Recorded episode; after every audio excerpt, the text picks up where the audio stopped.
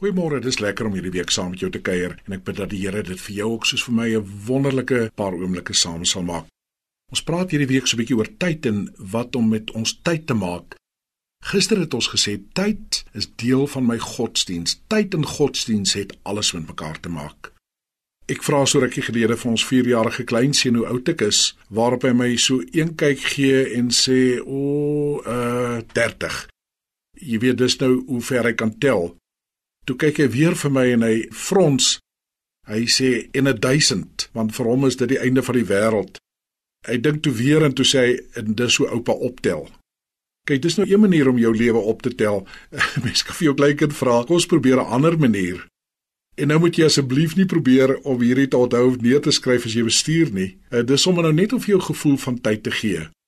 As jy vandag jou 50ste verjaarsdag vier, En die berekening, hierdie hierdie gesprek met jou op dieselfde oomblik hoor as toe jy 50 jaar gelede gebore is, is die volgende statistiek interessant.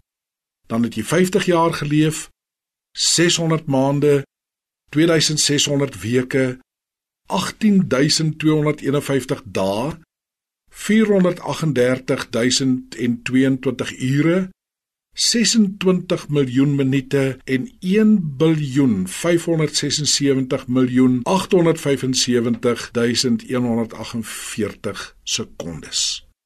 Dis skrikwekkend. Dis hoe 'n lewe op 50 optel.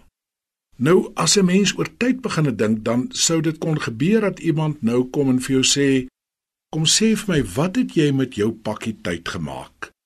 Wat het jy met daardie 50 jaar 600 maande 2600 weke gemaak? Dalk sal jy kan sê was 50 goeie jare, ek het voluit geleef, ek het dit baie geniet. Dalk is jy een van die merkwaardige mense wat vir elke jaar 'n spesifieke opskrif kan gee.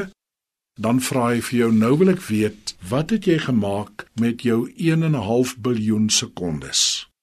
Met alle respek antwoord jy paniekbevange, dis absurd. Niemand leef in soveel besonderhede nie. Jy kan ontspan. Hierdie somme is net om jou baie doelgerig oor tyd aan die ding te sit en nuwe waarde daaraan toe te ken. Jy onthou mos die kinderliedjie, kinders moenie in die water mors nie, die ou mense wil dit drink.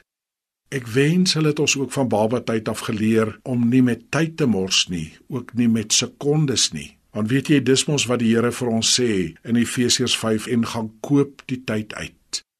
Werk nou keurig met jou tyd. Ons gaan môre ook daar praat. Elke sekonde wat jy het, leef die sekonde vir sekonde bewus van dit wat die Here vir jou gegee het. Want as ons so leef, dan gaan ons 'n wyse hart bekom.